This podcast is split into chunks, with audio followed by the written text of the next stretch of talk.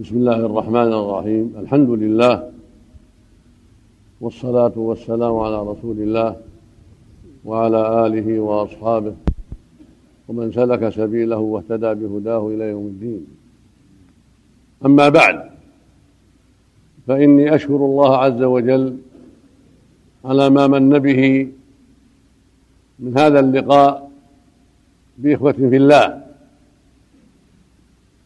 للتناصح والتواصي بالحق والتوجيه إلى الخير والتعاون على البر والتقوى. وأسأله عز وجل أن يجعله لقاء مباركا وأن يصلح قلوبنا وأعمالنا جميعا وأن يمنحنا وإياكم وجميع إخواننا الفقه في دينه والثبات عليه وأن ينصر دينه ويعلي كلمته. وأن يصلح ولاة أمرنا ويصلح لهم البطانة ويعينهم على كل خير ويبارك في جهودهم ويجعل التوفيق حليفهم في القول والعمل. كما أسأله سبحانه أن يوفق جميع ولاة أمر المسلمين وأن ينصر بهم دينه ويعلي بهم كلمته وأن يمن علينا وعليهم بالفقه في دينه والثبات عليه. وأن يشرح صدورهم لتحكيم شريعة ربهم والتحاكم إليها وإلزام الشعوب بها والاستقامة عليها فهي والله الصراط المستقيم والطريق القويم للسعادة العاجلة والآجلة.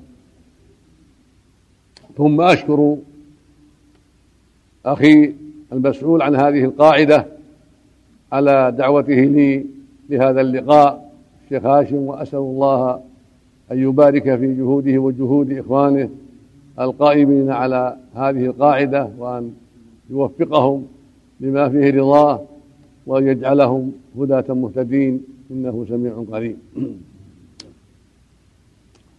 أيها الإخوة في الله إن الذنوب شرها عظيم وعواقبها وخيمة وهل أهلك من مضى من الأمم الذين عادوا الرسل إلا ذنوبهم وتهاونهم بأمر الله وعدم قيامهم بواجبه سبحانه وتعالى.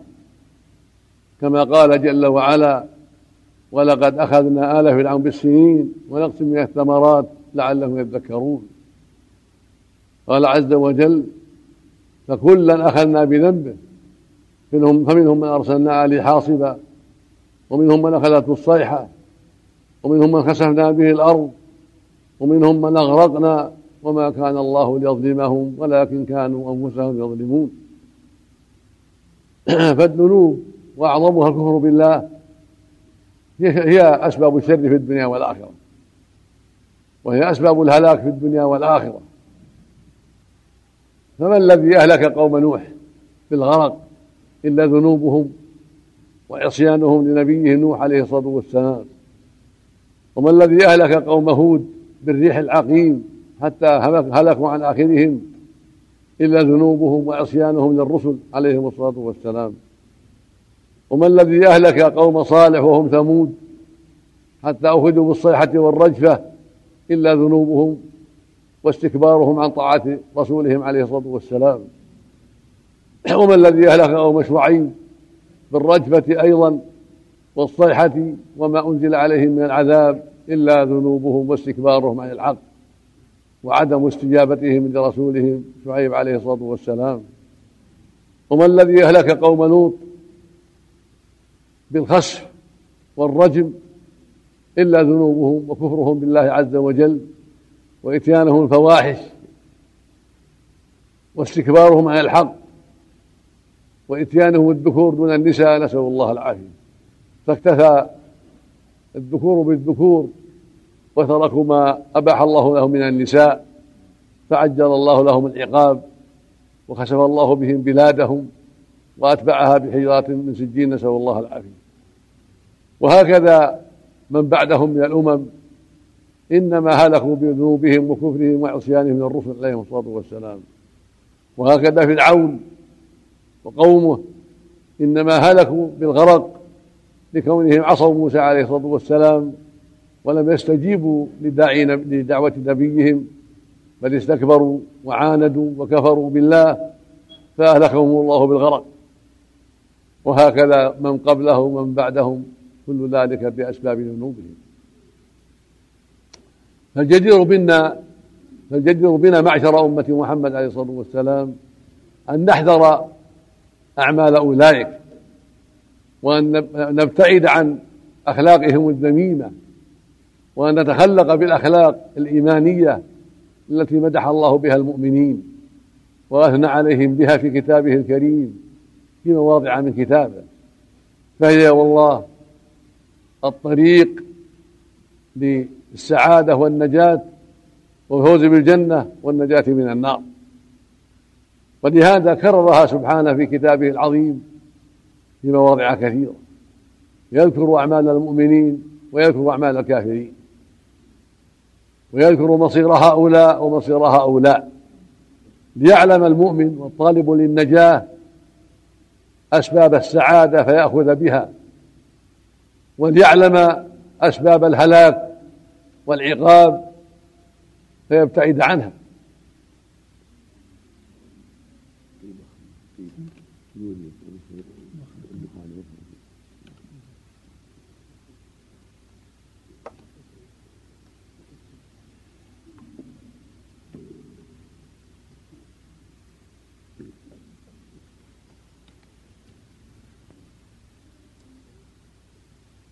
وقد بين سبحانه وتعالى صفات المؤمنين في مواضع كثيرة من كتابه وصفات الكافرين والمنافقين في مواضع أخرى.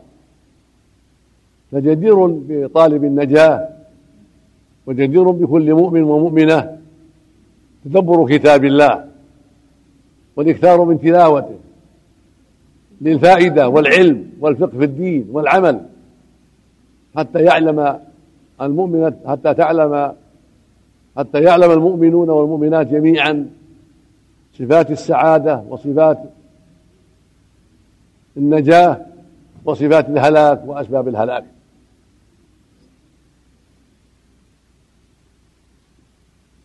فمن ذلك ما ذكره سبحانه في أول سورة من كتابه في جمع القرآن وهي الفاتحة. أول سورة نزلت هي سورة اقرأ. هي أول سورة نزلت. ولكن أول سورة في جمع المصحف وترتيبه هي الفاتحة. وهي أعظم سورة وأفضل سورة في كتاب الله عز وجل وهي أم القرآن. ذكر فيها صفات الناجين وصفات الهالكين. فقال جل وعلا الحمد لله رب العالمين الرحمن الرحيم مالك يوم الدين إياك نعبد وإياك نستعين. فأثنى على نفسه بصفاته العظيمة ثم علم عباده أن يقولوا إياك نعبد وإياك نستعين. هذا هو أصل السعادة إياك نعبد وإياك نستعين. هذه صفة أهل الإيمان أهل الجنة يعبدون الله وحده إياك نعبد يعني وحدك. وإياك نستعين وحدك هو المستعان وهو المعبود بالحق سبحانه وتعالى. كما قال عز وجل ذلك بأن الله هو الحق وأن ما يدعون من دونه هو الباطل. فالواجب على جميع الثقلين الجن والإنس أن يعبدوا الله وحده. وإلهكم إله واحد لا إله إلا هو الرحمن الرحيم. إياك نعبد وإياك نستعين. فاعلم أنه لا إله إلا الله واستغفر لذنبك يا أيها الناس اعبدوا ربكم وما أمروا إلا أن يعبدوا الله مخلصين له الدين حنفاء وعليهم أن يستعينوا بالله في أمورهم كلها هو المستعان وهو المعبود بالحق. لأن بيده أزمة الأمور هو المالك لكل شيء والقادر على كل شيء سبحانه وتعالى. فجدير بالعاقل أن ينزل حاجاته بربه وأن يسأله من فضله وأن يستعين به في كل شيء من أمر دينه ودنياه. ولا مانع أن يستعين بالمخلوق الحاضر الحي بما يقدر عليه. هذه خصلة جائزة لكن المستعان في الحقيقة في كل شيء هو الله وحده سبحانه وتعالى. والعبد إنما ينفع إذا وفقه الله وأعانه.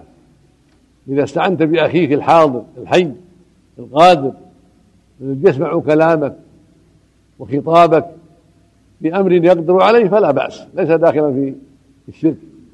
فإذا قلت يا أخي أعني على إصلاح سيارتي أو أعني على بناء هذا البيت أو أعني على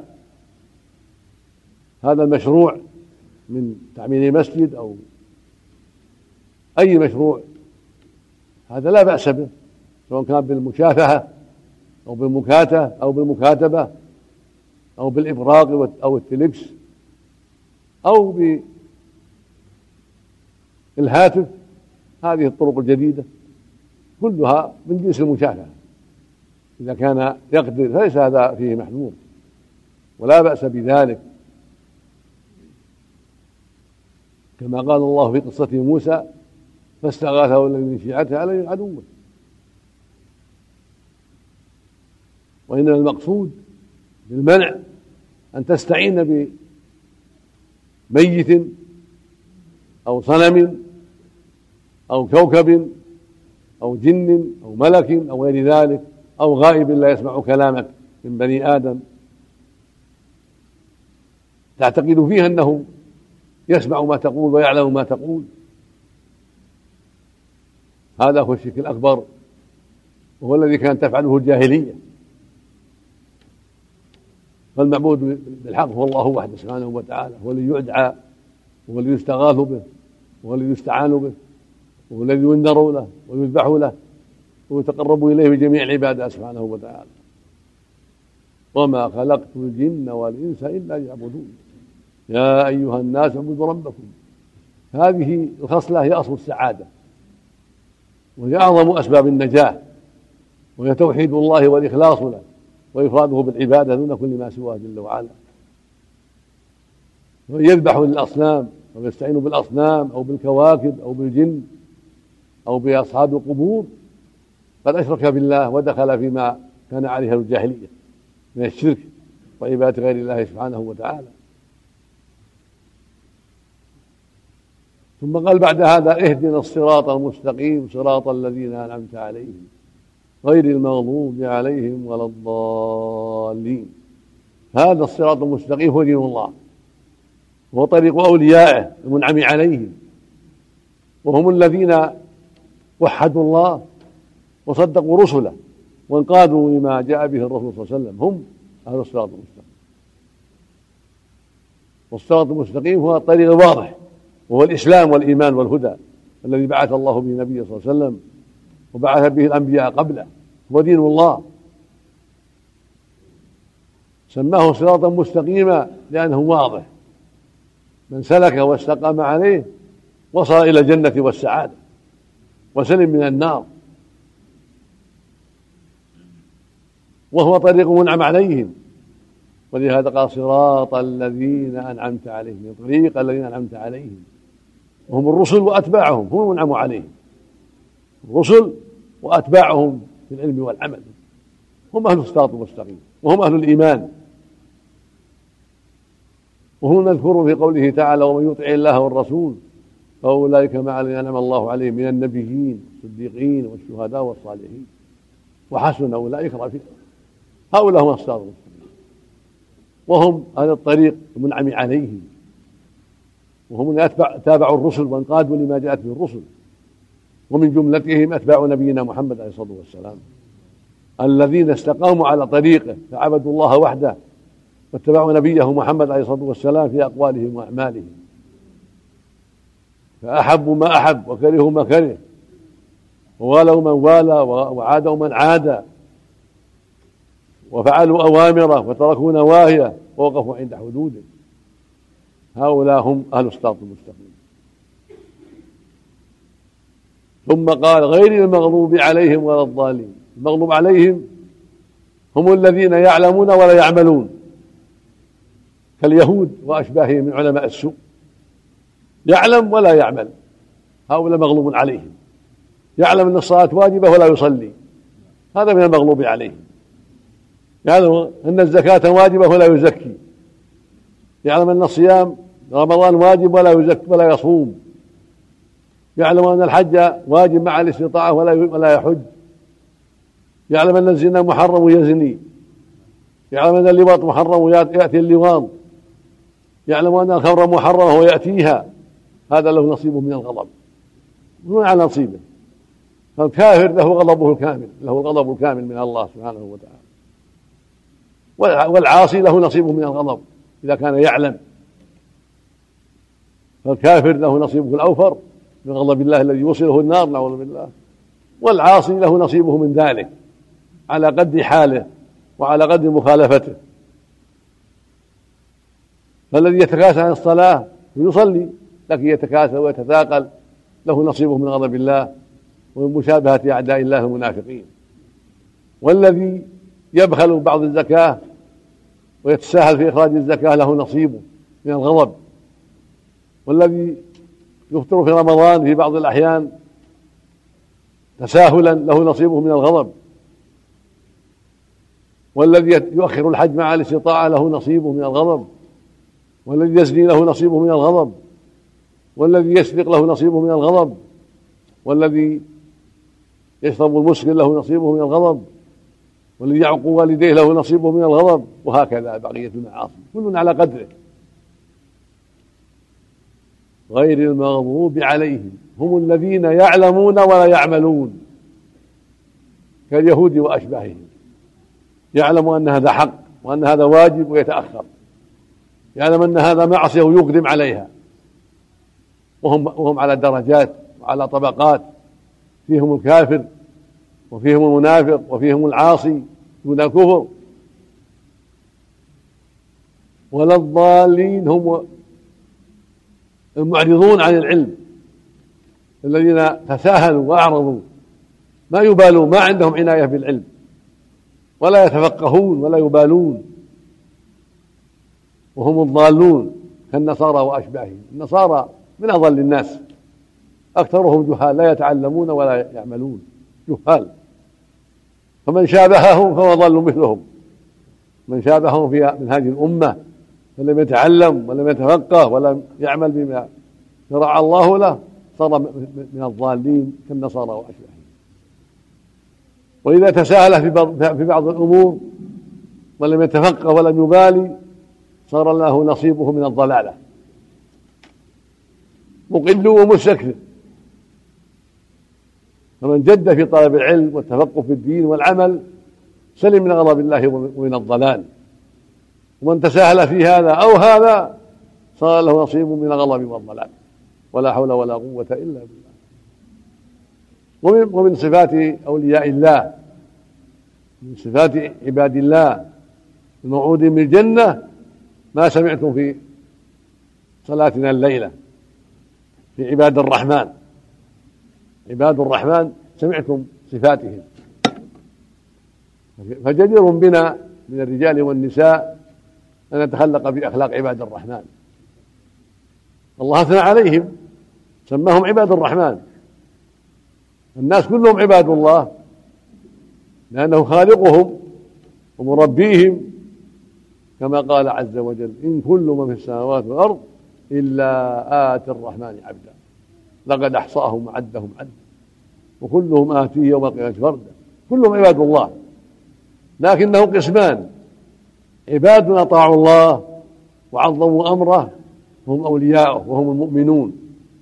وهم عباد الرحمن المرضي عليهم. وعباد أعرضوا عن الله وعن دينه. وتابعوا أهواءهم.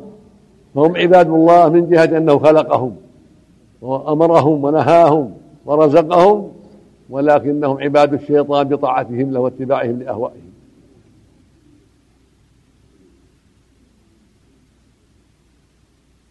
فمن عبد الرحمن واستقام فليس للشيطان عليه سلطان. كما قال تعالى إن عبادي ليس لك عليهم سلطان. وهم الذين اتبعوا أمره وعظموه وانقادوا لشريعته وتابعوا نبيه عليه الصلاة والسلام. وقد سمعتم صفاتهم فقال سبحانه وعباد الرحمن الذين يمشون على الأرض هونا وإذا خاطبهم الجاهلون قالوا سلاما. وصفهم سبحانه بهاتين الصفتين. وصفهم بأنهم يمشون على الأرض هونا يعني متواضعون ما عندهم تكبر بل متواضعون يمشون بالتواضع لا بالتكبر. وليسوا بمتموتين في المشي كأنهم نوم لا. يمشوا مشيا قويا لكنهم متواضعون. ليس عندهم كبر. يردون السلام ويبدأون بالسلام ويتحفون من إخوانهم ولا يتكبرون عليهم. والصفة الثانية وإذا خاطبهم الجاهلون قالوا سلاما. إذا سمعوا اللغو والكلام الردي أعرضوا عنه. وقالوا قولا طيبا. لا يشتركون مع أهل الباطل في باطلهم ولغوهم لا. وإذا خاطبهم الجاهلون قالوا سلاما. إذا خاطبهم الجاهل يتكلم عليهم يؤذيهم يسبهم يتهمهم بصفات لا تليق بهم. قالوا له قولا كريما. هداك الله أعاذك الله من الشيطان. ما ينبغي لك هذا؟ ينبغي أن تحفظ لسانك. يردون عليه بالكلام الطيب قالوا سلاما قالوا قولا سلاما طيبا ليس فيه أذى. حتى يرجع السفيه على نفسه وحتى يلوم نفسه وحتى يندم على ما صدر منه لأنهم خاطبوه بما, بما يليق خاطبوا بالكلام الطيب ثم ذكر من صفاتهم أنهم يبيتون ربهم سجدا وقياما. ليسوا غافلين. في الليل عباد في الليل يتعبدون بالليل.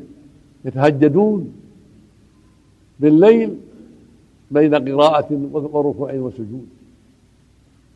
وهم حريصون على أداء الفرائض في أوقاتها الظهر والعصر والمغرب والعشاء والفجر. الرجال يؤدونها في أوقاتها في الجماعة في بيوت الله والنساء يؤدينها في بيوتهن بإخلاص وصدق وخشوع وطمأنينة مع التهجد بالليل ومع أنواع العبادة التطوعية كالتهجد بالليل وكصلاة الضحى وصلاة النوافل. هذه علاوة على الفرائض. ثم وصفهم بوصف آخر مع هذه العبادة ومع هذا التواضع ليسوا معجبين بأعمالهم وليسوا مدلين بأعمالهم ولا يمنون بها بل يخافون الله. ويخشون عذابه مع عملهم الصالح ما عندهم عجب بأعمالهم ولا منة بأعمالهم ولا ثقة بل يخافون. فقال سبحانه هو الذي يقول ربنا اصرف عنا عذاب جهنم. إن عذابها كان غراما يعني ملازما لأهلها.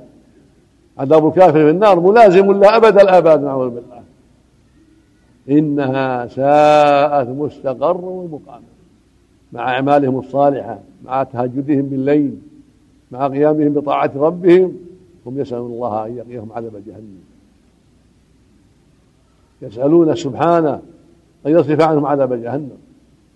إن عذابها كان غراما. هذه من صفاتهم العظيمة.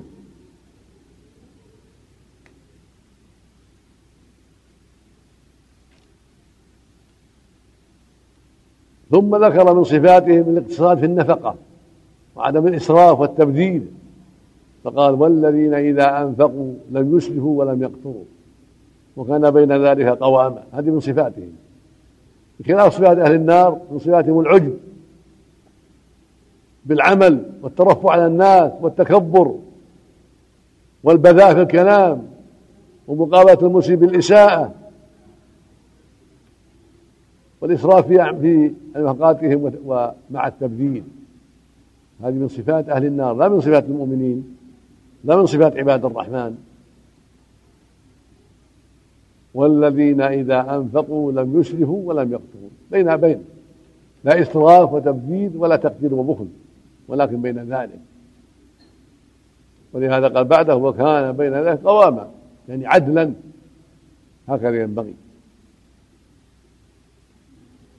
ثم قال والذين لا يدعون مع الله إلها آخر ولا يقتلون النفس التي حرم الله إلا بالحق ولا يزنون. هذه من صفاتهم أنهم يعبدون الله وحده. لا يشركون به شيئا سبحانه. لا يدعون معه إلها آخر. لا يدعون معه صنما ولا نبيا.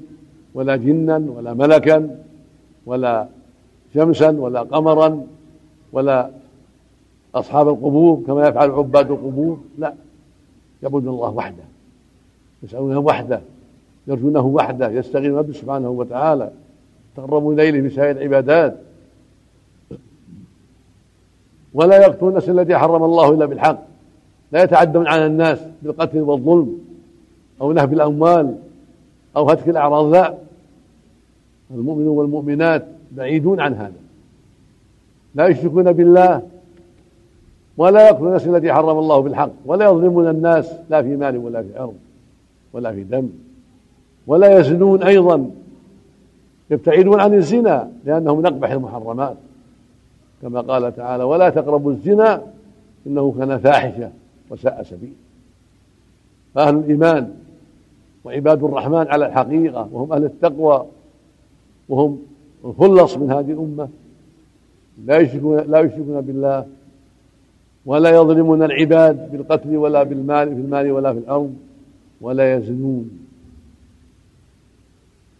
وهكذا اللواط فإنه أفحش من الزنا وأقبح. كما قال سبحانه عن قوم لوط إنكم لتأتون الفاحشة ما سبقكم بها من أحد من العالمين نعوذ بالله لأقبح من الزنا وأفحش وأردى وأقرب إلى غضب الله نسأل الله العافية. كلتاهما فاحشة. ولكن فاحشة اللواط أقبح. ولهذا حد اللوط القتل مطلقا حد اللوط القتل مطلقا وإن كان بكرا. أما الزاني فيه التفصيل. إن كان بكرا جلد مئة ورب عاما. وإن كان ثيبا قد تزوج ووطئ. رجم بالحجارة حتى يموت. أما اللائط فيقتل أبدا والملوط به كذلك إذا كان مكلفين. كما قال النبي صلى الله عليه وسلم من وجدتموه يعمل عمل عمل قوم لوط فاقتلوا الفاعل والمفعول به. نسأل الله العافية. فعباد الرحمن لا يشركون بالله ولا يتعدون على عباد الله لا بالقتل ولا بنهب المال وغصبه وسرقته وخيانته. ولا بهتك الأعراض بالغيبة وغيرها والقذف ولكنهم يحفظون جوارحهم ويحفظون ألسنتهم مما حرم الله ويحفظون فروجهم مما حرم الله كما قال عز وجل في صفة المؤمنين والذين هم لفروجهم حافظون إلا على أزواجهم أو ملكت أيمانهم فإنهم غير ملومين. ثم قال في هؤلاء المشركين والزناة والقتلة ومن يفعل ذلك يلقى أثاما. لمن يزني أو يقتل أو يشرك يلقى أثاما. يضاعف له العذاب يوم القيامة ويخلد فيه مهانا نعوذ بالله. إلا من تاب من تاب تاب الله عليه. ولو مشرك. من تاب من شركه من تاب من الزنا من تاب من القتل من تاب من العقوق من تاب من الخمر من تاب من قطيعة الرحم من تاب من شهادة الزور من تاب تاب الله عليه. إذا صدق وأدى الحق الذي عليه أدى الحق للقتيل. لأهل القتيل أدى الحق لمن أخذ ماله. إلا من تاب يعني وأدى الحقوق التي عليه. وآمن وعمل عملا صالحا. فأولئك يبدل الله سيئات حسنات. إذا تابوا توبة صادقة وأتبعوها بالإيمان والعمل الصالح محى الله سيئاتهم وجعل مكانها حسنات سبحانه وتعالى. هذا فضله وجوده سبحانه وتعالى. ثم قال في وصفهم والذين لا يشهدون الزور. يشهدون لا يحضرون لا يحضرون الزور وهو المحرم. لا يحضرون ما حرم الله من مجالس الفساد وسماع الملاهي والأغاني وسماع ما حرم الله يحذرون ذلك. فلا يشهدون ما حرم الله من الفواحش والمنكرات.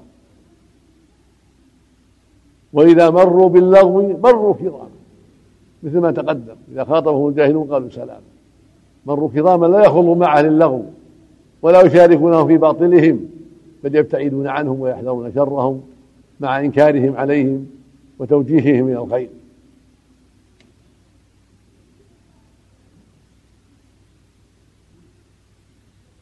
ومن صفاتهم أنه إذا ذكروا بآيات ربهم لم يخروا عليها صما وعميانا. إذا ذكروا خروا خشعا وبكيا لا صما وعميانا. هذه عباد الرحمن من الرجال والنساء. إذا ذكروا بالله خشعوا لله. ودمعت عيونهم ورقت قلوبهم وبالوا إلى الخير وابتعدوا عن الشر.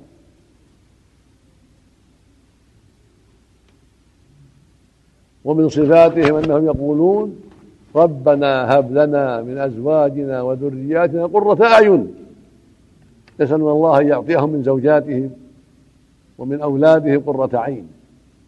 والزوجة تسأل الله يعطيها من زوجها وولدها قرة عين. في الدنيا والآخرة. وإذا كان الزوج مطيعا لله والزوجة مطيعة لله صار كل واحد قرة عين لصاحبه. إذا كان الزوج مطيعا لله بهذه الصلاة والاستقامة صار قرة عين لزوجته المؤمنة. وإذا كانت الزوجة مطيعة لله صارت قرة عين لزوجها المؤمن. وهكذا الذرية إذا رآهم والدهم في طاعة الله صاروا قرة عين. وإذا رآهم في معاصي الله صاروا قذى عين وشرا وبلاء. ثم قال واجعلنا للمتقين إماما. يسأل ربهم أن يكونوا أئمة للمتقين في التعليم والتوجيه والإرشاد وطاعة الله ورسوله. هكذا المؤمنون. هكذا عباد الرحمن. فماذا جاء ماذا جزاؤهم؟ هؤلاء الذين هذه صفاتهم قال الله في جزائهم أولئك يجزون الغرفة بما صبروا. لأن الجنة سميت غرفة لارتفاعها. لأن الجنة فوق السماوات. سقفها عرش الرحمن.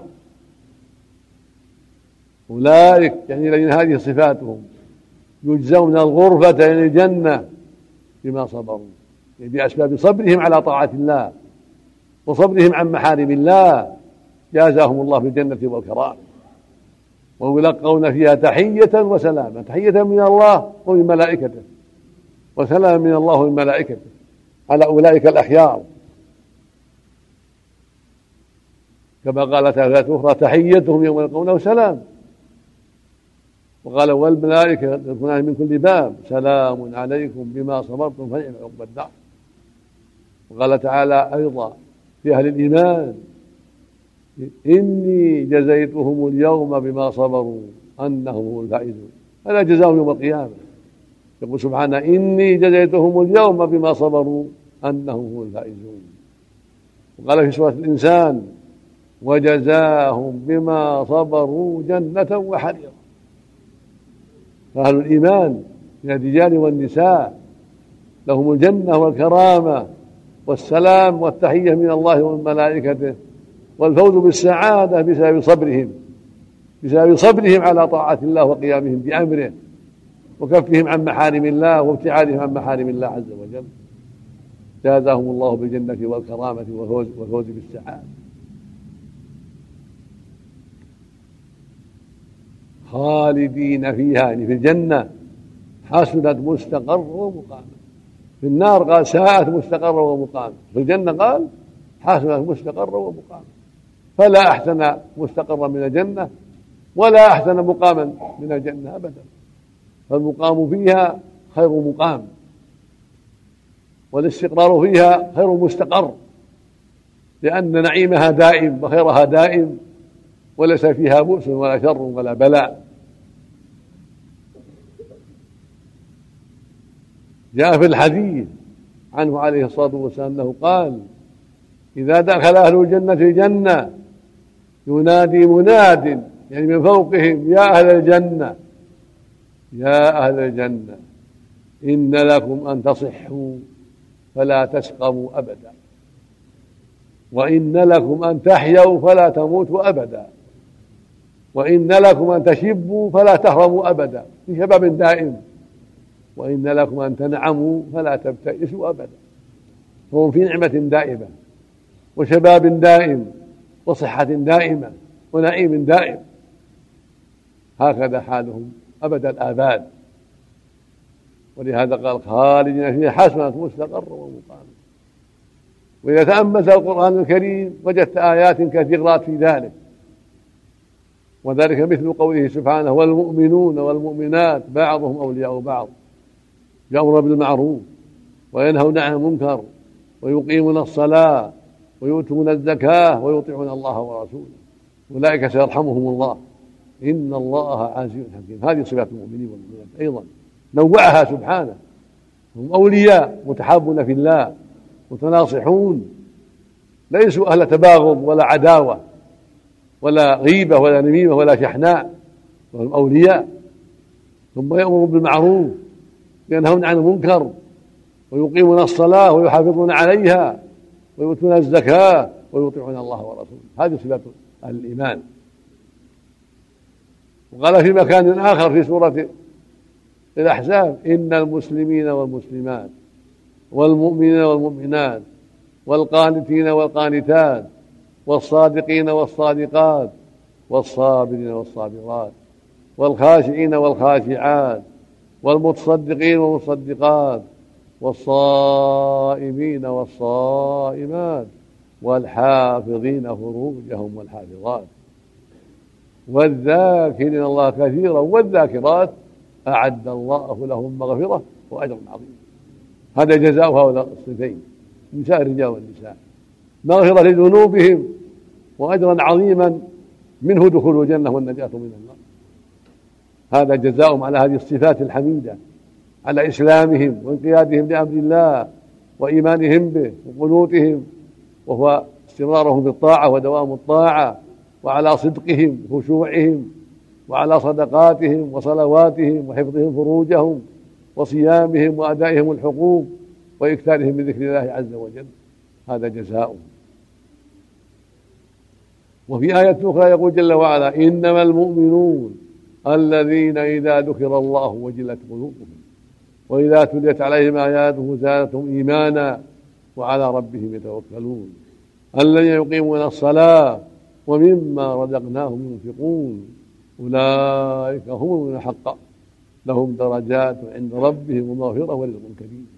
هذه من صفات المؤمنين. نوعها سبحانه.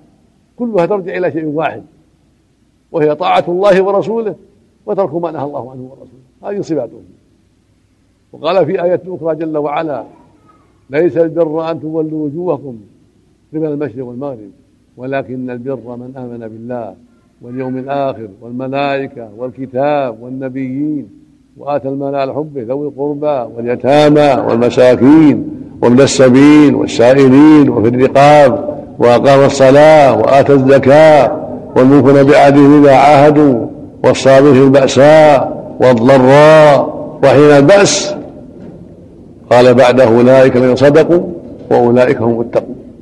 هذه صفات الصادقين المتقين كلها يفسر بعضها بعضا. كلها يدل بعضها على بعض. كلها يشد بعضها إلى بعض. فالمؤمن والمؤمنة هذه صفاتهم. هذه صفاتهم وأخلاقهم في هذه الآيات. لأن إيمانهم بالله وإسلامهم له. واتباعهم لرسوله عليه الصلاة والسلام يدعوهم إلى هذه الأخلاق. وهذه الأعمال العظيمة ولهم بعدها جنة وكرامة أسأل الله بأسمائه الحسنى وصفاته العلى يجعلنا وإياكم من هؤلاء الأخيار وأن يكفينا وإياكم شر الذنوب وعواقبها الوخيمة ويعيننا وإياكم على طاعته واتباع شريعته والاستقامة على أمره والحذر مما نهى عنه. إنه جل وعلا جواد كريم. وصلى الله وسلم على عبده ورسوله نبينا محمد وعلى آله وأصحابه وأتباعه بإحسان.